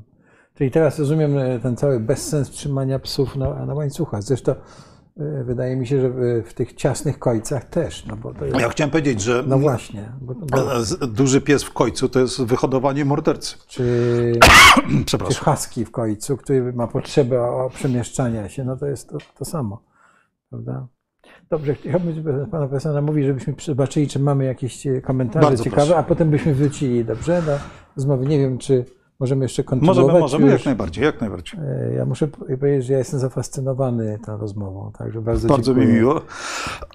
Przepraszam bardzo. Mamy, nie, nie mam niewiele pytań. Ale mamy dużo e, miłych uwag, bardzo tak, się dziękuję. bardzo się cieszymy. Tutaj pani Monika nam mówi, że jej papugi się e, bawiły z rzucaniem przedmiotów z biurka i patrzyły jak lecą. Tak? Koty to chyba też tak potrafią. Nie, ma, nie, ma, nie tak. mam co do tego żadnych tak. wątpliwości. Żółwie potrafią rozpoznać opiekunów, do którego mają zaufanie, tak? Jest, tak? To znaczy, żółwie się na pewno dobrze uczą. Na pewno się dobrze uczą w oparciu o bodźce wzrokowe, bo one de facto są głuche, więc w zasadzie tam gadanie do żółwi to niewiele tam daje. E, tak. daje ale wizualne bodźce rozpoznają bardzo, e, bardzo dobrze. Więc e, jeżeli mamy mm, e, takie klarowne doświadczenia, kto karmi, kto, e, to, to myślę, że mamy podstawy sądzić, że one się tego uczą. Ale e, tutaj pan, ale wejść tu w interakcję z takim krokodylem. Czy z takim. Lepiej nie wchodzić. Lepiej nie wchodzić. no cóż ja mogę ale powiedzieć. czy krokodyle mają w ogóle możliwe umiejętności rozpoznawania? Krokodyle, jak na gady, jak na gady, są bardzo społeczne. Tak. Krokodyle. Ale czy potrafią, no bo psy przenoszą tą swoją e, funkcje społeczne na stado ludzkie w pewnym sensie, tak? tak? Nie wiem, czy się nie mylę, ale tak. E, nie, no tak jest uważam, jakiś tak? tam zjawisk, I, tak. zdarzenia. A czy krokodyle potrafią przynieść na stado ludzkie? I przepraszam, bo może nie ma takich badań, ale. Ja, ja, ja pewnie bym takiej odpowiedzi nie zaryzykował, ale hmm. gdybym musiał obstawiać, to powiedziałbym, że nie. Że nie ma, tak? Mhm. Że nie, jednak. E, e, jesteśmy od nich bardzo różni. Mhm. Za bardzo. Za bardzo. E, za bardzo. My możemy szkolić krokodyla, mhm. bo on się uczy, mhm. e, ale nie zaryzykowałbym e, powiedzenia, że możemy z nim wytworzyć więź. Ta więź będzie o charakterze jednokierunkowym. To znaczy, my możemy pokochać naszego krokodyla, ale nie sądzę, żeby on pokochał nas. A jeśli chodzi o węże? E, możemy te, przyuczyć węża do zachowań, które będą w nas wzbudzały więź z nim. Czyli, e, Ale, ale to nie, nie, niekoniecznie. e, to nie oznacza, u- że będzie to wzajemność. To nie, nie oznacza wzajemności. Rozumiem. Tylko rozumiem, że to są różne e, poziomy. Dobrze. To dziękujemy bardzo za te e, pytania. E, chciałem jeszcze e, Pana zapytać o takie zjawisko, jak tra- przenoszenie agresji. No, troszkę mówiliśmy o tym, bo to, to, ten atak e, e, frustracji jest też przeniesieniem agresji. Ale to, co. Znaczy, definicyjnie nie. Definicyjnie No, no nie. E, przeniesienie I agresji też pole... przeniesienie agresji to od razu zapytam, jeśli mogę, o ludzi. Tak, to, to się- jest, to, to jest. Kiedy powstaje zjawisko przeniesienia agresji, to ja. My tu możemy używać przykładów ludzkich, jak najbardziej. Ja e, często y, mm, posługuję się taką y, y, wymyśloną anegdotką. E, Gdyby tutaj w drzwiach naszego studia pojawił się mój nauczyciel, mój promotor, tak posłuchał nas, a potem by powiedział: Ej, wy to pisula głupoty opowiadacie tym ludziom, to, e, to pewnie to byłaby taka sytuacja, która tworzy u mnie e, konflikt popędów. Dlatego, że my na agresję odpowiadamy agresją, także werbalną, prawda? A z drugiej strony, mm, no jesteśmy hierarchiczni, starszy człowiek, prawda? Ja mm, e, e, mam utrwalone te, te zachowania związane z tym, że był moim mistrzem, szanuje, tak, tak. starszy się. W związku z tym, e, przed e, tym złamaniem normy społecznej pewnie pojawiłby się u mnie jakiś lęk, czyli Tak. klasyczna sytuacja konfliktu, agresji i lęku, agresji i strachu.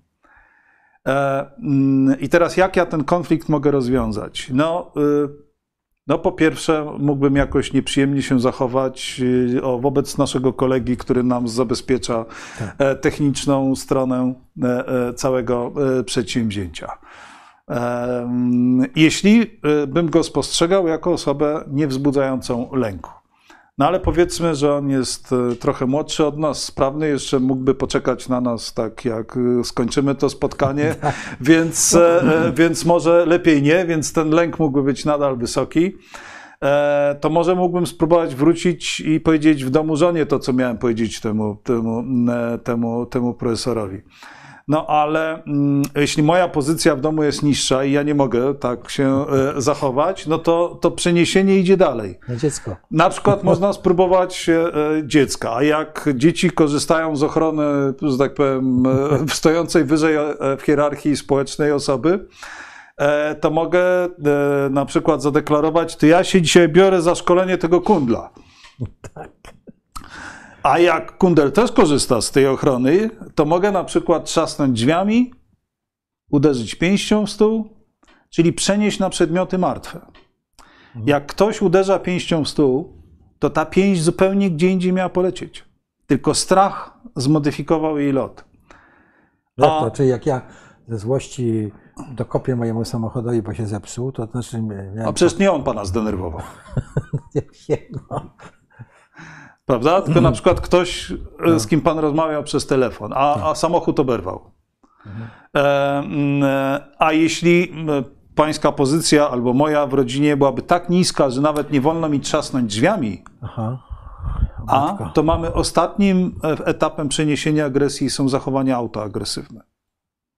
Walę głową w ścianę. Tak jest. Albo się drapią.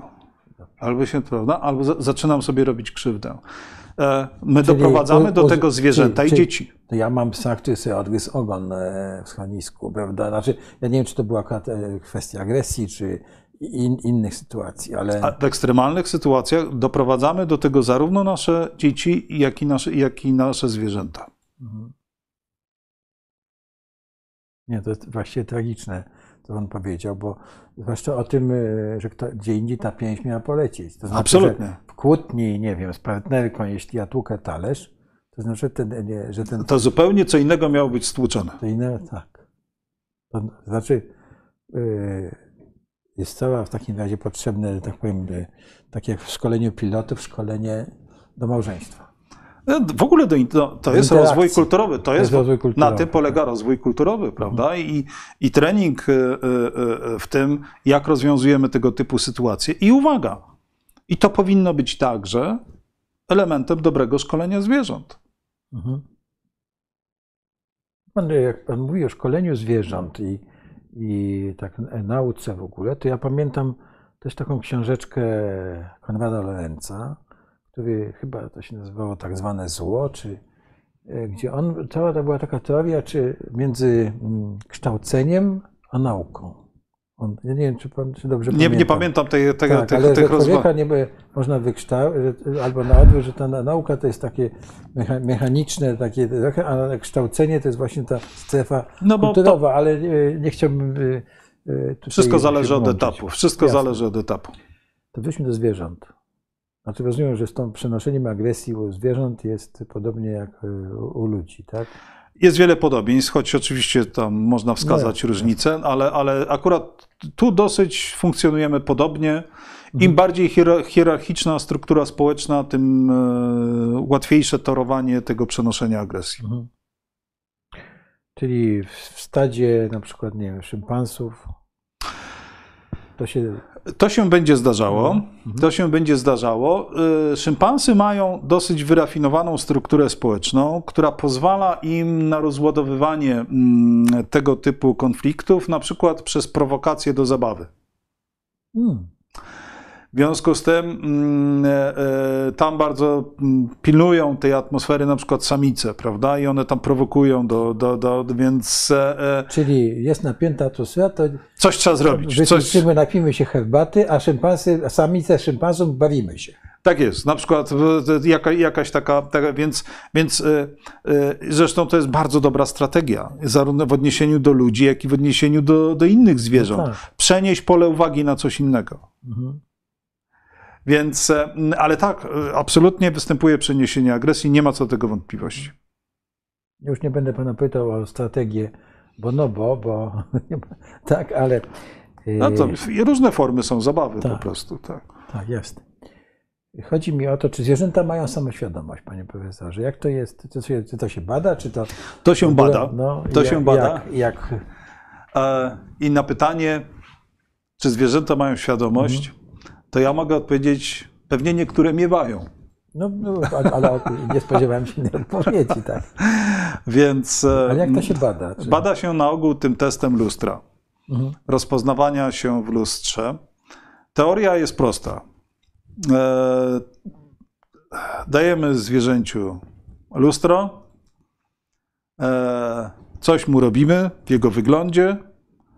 E, I w takim klasycznym teście, jeżeli na przykład ten małpiszon widzi siebie w lustrze i widzi, że ma przyklejoną karteczkę do czoła, to sięga ręką do czoła, a nie do lustra. I tak wygląda teoria.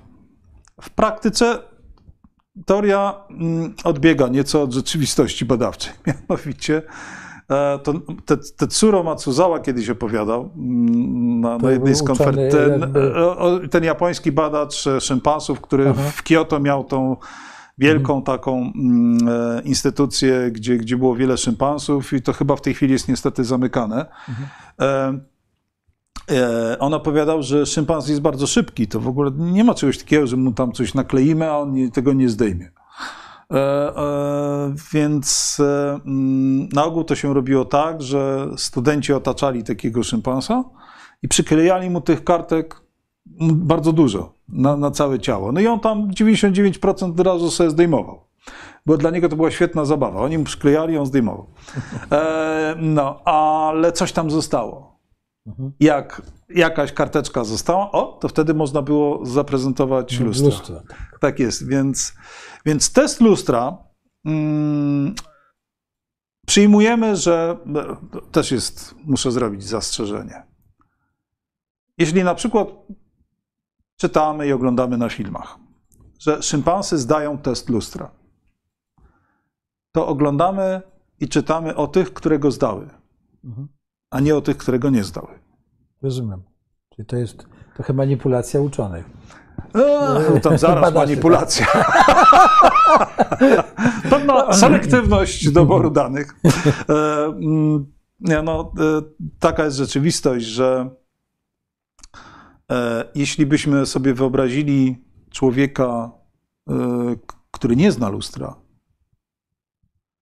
to musimy przyjąć, że większość ludzi po tym, jak lustro im mu się zaprezentuje, nauczy się korzystać z lustra, ale nie wszyscy. Rozumiem. Chciałem pana profesora zapytać jeszcze o macierzyństwo u zwierząt. No to pewnie będzie u ssaków, jakkolwiek e, mamy, ale e, e, no o ten, że tak powiem, zachowania takie Opiekuńcze. opiekuńcze i w ogóle e, troszkę mówiliśmy o, o młodości ssaków, no o, o tym, jak to jest ważne, prawda, żeby były e, do pewnego wieku e, u siebie, ale te macierzyńskie zachowania, no bo one nas czasami też tutaj mamy takie tendencje do antropomorfizacji tego, prawda, mamusia, dzieci i tak dalej, tak?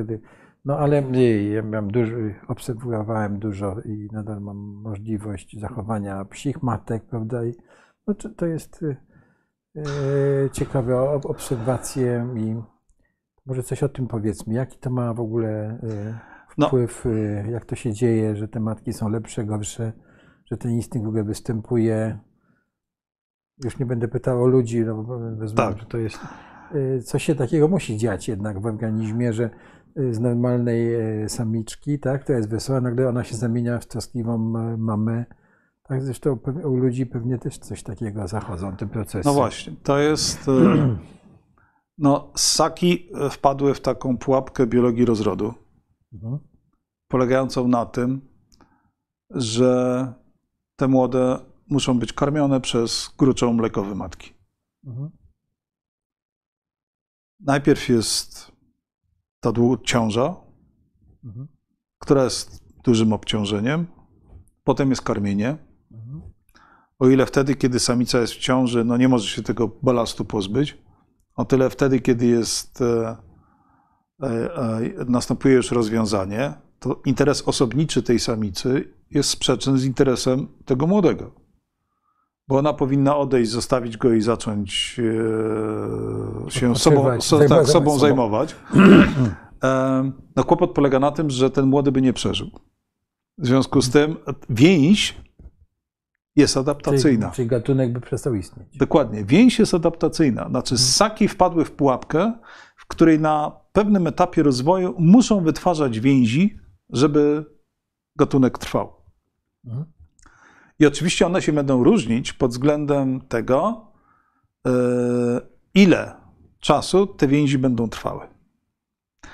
E, U bardzo małych, prymitywnych ssaków ta więź będzie bardzo krótka. Tak, to znaczy będzie trwała tyle, ile trwa w zasadzie e, karmienie e, e, matki i ona przez ten czas jest hormonalnie... Jak mówiłem, małe, prymitywne, to co, gryzanie? No, wadożerne, taki właśnie, na przykład, no, my mamy w Polsce fajnego takiego rzęsorka, rzeczka, rzęsorka mniejszego. E, da- my, e, Generalnie małe gryzonie na przykład też e, tutaj są dobrym, e, czyli tyle czasu, ile trwa karmienie, trwa więź, po czym Radźcie sobie same. radźcie, radźcie sobie same.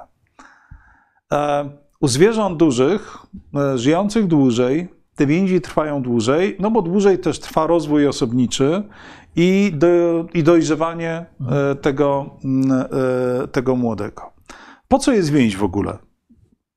No, więź jest po to, żeby włączyć silny mechanizm napędowy, motywacyjny do świadczenia e, zachowań opiekuńczych. O to chodzi, żeby ta samica podjęła, jest zmęczona, jest odwodniona po porodzie, e, e, generalnie już poniosła duże koszty, e, zaczyna ponosić duże koszty, bo gruczoł mlekowy rabuje wszystko z jej organizmu, co tam jest do zrabowania, a ona teraz ma być silnie motywowana do tego, żeby świadczyć te zachowania opiekuńcze na Czyli rzecz młodego. usługi na... No i to przybrało, że tak powiem, postać e, tego, e, co nazywamy właśnie tym napędem zachowań opiekuńczych, do którego są dopasowane dobre bodźce, prawda? No na przykład u ssaków to są różnego rodzaju okrągłości. Prawda? I w związku z tym, jak budy, robimy lalki dla dzieci, to, prawda, to one są takie śliczne, okrąglutkie, prawda, i prowokują do tego, żeby, e, żeby je podnieść i przytulić. Więc Rozumiem, że też pan chce powiedzieć, że szczenięta psie są takie okrągłe i takie tak, ona, skrócone ona, pyszczki, tak? I, Tak jest. Wszystkie te okrągłości i takie ciągłości są takim, to Eibel, Eibesfeld e, e, to, to ładnie opisywał. To jest taki kontrast w stosunku do sygnału agresji, które zwykle są kanciaste, ostre i, i, i, i, i mm, Niezwykle ciekawe, bo rzeczywiście kanciaste są. Ja nie No. ja teraz już nie jestem tym ssakiem, tak? ale, no tak, tak, tak, oczywiście. Łącznie z, prawda, on tak ładnie pokazywał na przykład, że ale- wojskowe pagony. no tak. Jak pan profesor to mówi, to co, yy, co sobie uświadamiam, prawda, jak ten świat jest urządzony, prawda, że, że to jest takie między, też międzygatunkowe. No. Znaczy, pokrewi, jakby e, nie, war, nie można wpaść w pułapkę takich XIX-wiecznych zoopsychologów, którzy wszędzie widzieli Nie, podobieństwa. nie, nie, daleko jesteśmy od tego. Ale trudno zaprzeczyć, że jesteśmy też zwierzętami. Mhm. W związku z tym istnieje całkiem spory zakres e, e, zjawisk wspólnych dla nas i innych zwierzętach. Jest fajne pytanie, e, mianowicie co z odpowiednikiem testu lustra dla niewzrokowców. E, mm, e, Chyba dwa lata temu pojawiła się taka praca, gdzie po raz pierwszy testowano odpowiednik e, testu lustra z użyciem zapachu dla psów.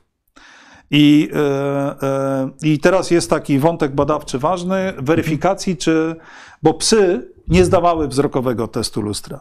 Natomiast te wyniki wstępne z tymi odpowiednikami zapachowymi są całkiem obiecujące. Tu pani Monika, jak już jesteśmy przy pytaniach, no, pisze, że kiedyś zachęcano nas do tworzenia e, końców dla psów. Dla mnie to ograniczona przestrzeń dla zwierząt, które z natury kochają wolność. Proszę powiedzieć, jak dbać o bezpieczeństwo e, wolności, Wolność psów na wsi. e, tak, psów na wsi. No więc to jest ciekawe zagadnienie, tak, bo ja jestem też zwolennikiem, żeby psy były wolne, tak? I dlatego trzeba, ale trzeba je, je pilnować. Tak, ale najszczęśliwsze psy, jakie widziałem w życiu, to widziałem takie psy, taki widok, że idzie mm, e, e, rolnik na pole. Tak, I za nim idzie niezwykle, czy przed nim, i razem z nim idzie niezwykle szczęśliwy z tego tytułu, że idą razem pies. Tak jest. Tak? I najszczęśliwsze psy, jakie widziałem na wsi, są te nie na łańcuchach i w końcach, tylko te, które leżały wyciągnięte na słońcu przed bramą, czy w bramie, bo one wtedy mogą sobie obserwować świat. Tak? Oczywiście wtedy one mogą wpaść pod samochód, mogą e, pogonić rowerzystę, tak? ale e, Ja bym powiedział tak. e, Niedobrze jest wpaść w skrajności. mhm. Jak na przykład myślimy o końcu, to warto sobie zadać pytanie, jak długo pies w tym końcu przebywa. Bo jeśli to jest jakiś etap w ciągu doby, e, na przykład taki, gdzie nie wiem, bramy są otwarte, prawda, jest, ten, jest to jakiś, nie wiem, ośmiu na przykład godzinny e, dzień pracy, czy, czy to ja bym powiedział e, tak, że psy można do tego przyuczyć i one będą to dobrze znosić pod warunkiem, że potem ten koniec będzie otwierany. Będzie normalna interakcja z, e, z człowiekiem. Innymi słowy, będą inne barwy życia. Natomiast koniec 23-godzinny oczywiście jest e, Mordęgą, no to- mordęgą i absolutnie psy rzeczą lepiej naganną. się dostosują lub gorzej, ale Także e, ja, ja taki jeden ze smutniejszych widoków, jak jeśli chodzi o psy, które ja, ja widziałem, to są psy pasterskie na Krecie. E, dlatego, że tam pasterze ogradzają drucianymi ogrodzeniami wielkie połacie terenu, po których tam te, te kozy czy owce mm, biegają, a bramy wjazdowej pilnuje pies na łańcuchu, który jest tam 24 godziny na dobę i tylko raz na dzień albo na dwa e, przyjeżdża ktoś do niego dać mu wielką michę wody i, i, i, i, i- i jedzenie. No to jest to, o czym wszyscy wiemy, że nie powinno mieć miejsca. Tak? To nie są tego typu zwierzęta, które, e, które e, taki los będą znosiły dobrze. Natomiast parę godzin w ciągu dnia y, psa, które, który jest do tego przyzwyczajony, pewnie nie dostrzegałbym tam wielkiego problemu. No, część u psów na przykład w stowarzyszeniu, jestem, jest w, w końcach, one są wypuszczane, jest pole i y, one po, po godzinie bardzo chętnie wracają do tych końc, bo tam się bezpiecznie czują i same nawet wracają, nawet y, po prostu rezygnując sobie z tego. Tak, dokładnie, tam, dokładnie. Tam się ładno, otwarty koje, tam śpią. No. i- Więc y, nie, sądzę, nie, nie chcę przez to powiedzieć, że to są idealne warunki, bo jak powiem idealne warunki, to jest właśnie te psy na wolności, nawet na, na podwórku, gdzie mają interakcje, że mogą pogonić sobie szczura, tak, i, i podejść do właściciela. Te- psy wiejskie, o których mówię, to nawet nie ma tej interakcji, że ten człowiek je tam przytula, czy, Ale jest z nim. pieści, ale je tak. I na przykład to pójście wspólne, że on tam idzie e, coś robić w tym polu, nie wiem, rzucać nawóz, nawet jak jedzie traktorem ten pies biegnie obok, obok to jest dla psa może nie zbyt bezpieczne, ale no widać, że to jest, idziemy razem, to jest Tak tak, jest. jak Watacha idzie, nie wiem, na polowanie, tak, i to w ogóle jest szczyt. Zresztą, mm, byłem w takich miejscowościach e, w, Stanach, gdzie e, się ludzie umówili, tak, że psy będą sobie biegać luźno, są e, ograniczenia prędkości tam do 10 e, Tak, mil. mil i, i psy mają biegać, bo to się ludzie tak umówili. Dobrze, w każdym razie tu jest następne pytanie, też ciekawe moim zdaniem. Z czego wynika spotykana u psów bezwarunkowa a tak akceptacja dla opiekuna mimo powtarzających się negatywnych bodźców? Y, Nazywamy to potocznie bezwarunkową wiernością nawet dla złych opiekunów. To jest ta sytuacja, kiedy e, e, jakiś e, e, prawda, indywiduum e, zabija, tłucze psa, prawda, a pies mimo Z tego samego powodu, Mhm. z którego dzieci rodziców, którzy je maltretują, zabierane e, od z tych patologicznych rodzin, tęsknią w domu dziecka do powrotu do swoich rodziców. Więź Więź. jest ślepa. E, obiekt przywiązania, e, jego podstawowym warunkiem, e, żeby ta więź została wytworzona, jest jego obecność, stałość. W związku z tym e, no, trzeba mieć obiekt do kochania, do przywiązania i e, tak jak te dzieci, to, o których wspomniałem, nie mają innych rodziców, mają tylko takich, którzy je krzywdzą. E, e, nadal tą więź z nimi utrzymują, troszkę podobnie na takiej samej zasadzie, jak, jak, jak mówimy o tych psach. Dziękuję bardzo. Tutaj pani nas pozdrawia. Dziękujemy bardzo. E, Chciałbym e, zapytać pana profesora o właśnie tę więź. Tak, bo e, ostatnio w Warszawie była sprawa pana, który prowadził taką wioskę wikingów na, na Brudnie. Tam był e, kruk e, było jakieś inne zwierzę, ale pana e, zdaje się zamknięto do więzienia za coś tam. Kruk, zwierzę znalazło nowego właściciela i tęskni i w ogóle, ale to ssak. No a kruk, podobno kruki się tak przywiązują, że e, kruk nie przetrwał tego rozstania, tak? Czy to prawda? To jest możliwe. To jest możliwe. Ptaki, te, które e, tworzą właśnie takie długotrwałe e, więzi, bardzo mocno Czy przeżywają. rozumiem, że kruki to żeby w- parach do końca życia, tak? To chyba różnie bywa, ale na pewno tworzą te więzi długotrwałe. Więc, e, mm, więc i wpadają w związku z tym w depresję. I e, Jak co, padają depresję, to nie, nie jedzą, nie tak jest. Co ciekawe, e, bardzo często pomagają im te same leki psychiatryczne, które pomagają ludziom. O, ptakom. Tak. To ciekawe, przecież to jest chyba zupełnie inny Ale no jednak, z, Tak. jednak, zbliż, E, jednak e, zbliżone. Chciałem powie, powiedzieć też, że w schronisku mieliśmy przypadek takiego pieska, nazwaliśmy go Duszek, którego pan umarł. Znaczy był właściciel Mhm. e, czy opiekun umarł i on z tym właścicielem był tam parę dni. Straż Miejska przywiozła tego psa do schroniska i on e, w ogóle był niezainteresowany światem. Ten piesek to nie był duży piesek, ale po prostu siedział i się patrzył, nie reagował, patrzył się w jeden e, kąt. E, Na początku coś tam skubnął z jedzenia, potem przestał. I no, nie udało się go uratować. Po prostu no, ani kroplówki, ani zabranie go ze schroniska nic nie, nie pomogło. Po prostu to był pies, który po prostu zupełnie się wy- Wyłączył. Wy, wyłączył. Tak? No, być może tam były jakieś inne, e, ale być może to było tak silne przeżycie dla niego, że więc mówimy o tych, o tych wie, więzi, tak? Dokładnie.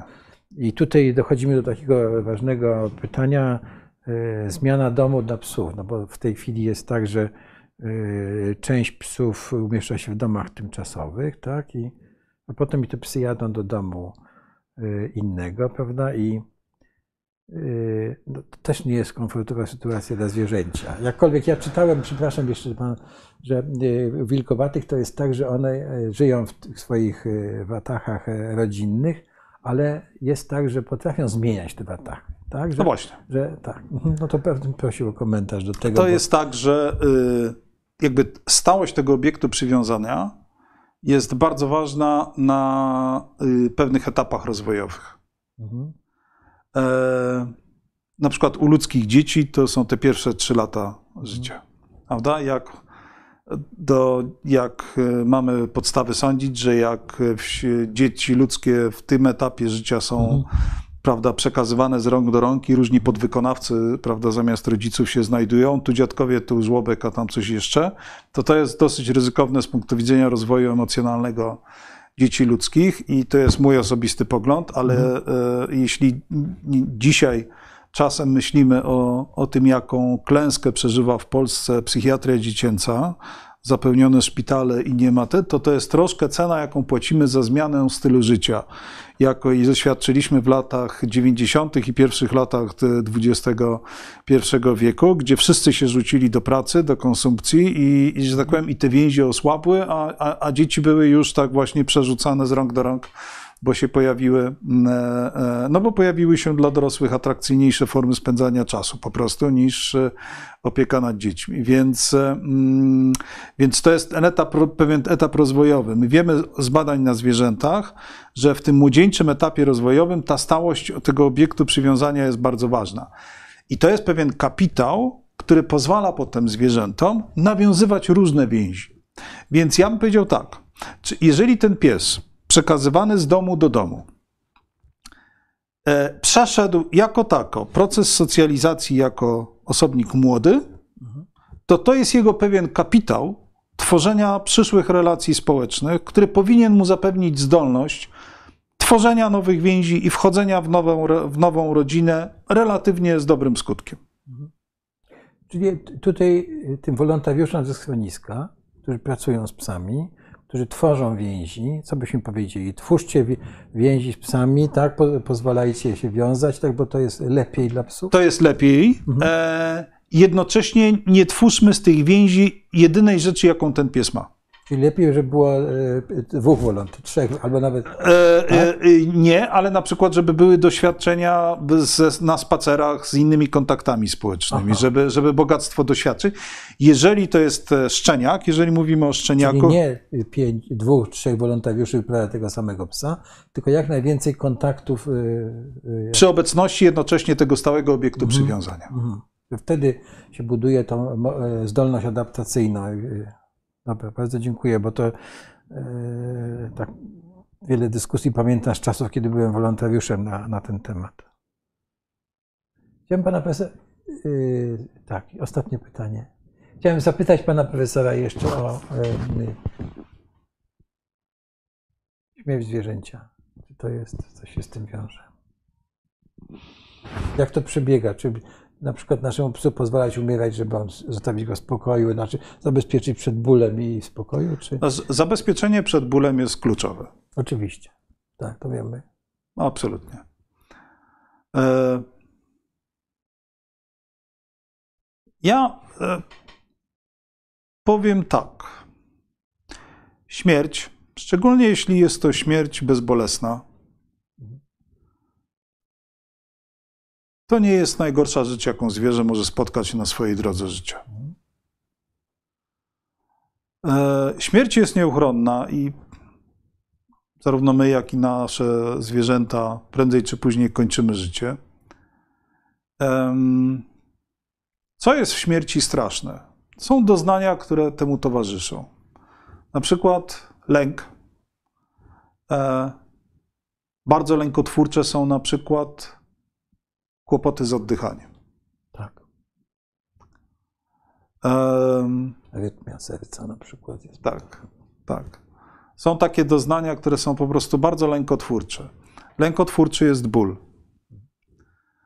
Więc e, dbałość o zwierzęta powinna polegać na tym, żebyśmy te e, doznania albo eliminowali, albo nieuchronną śmierć przyspieszali. Po prostu. Znaczy eliminując ten strach. Tak? Tak, tak. Strach, e, mm,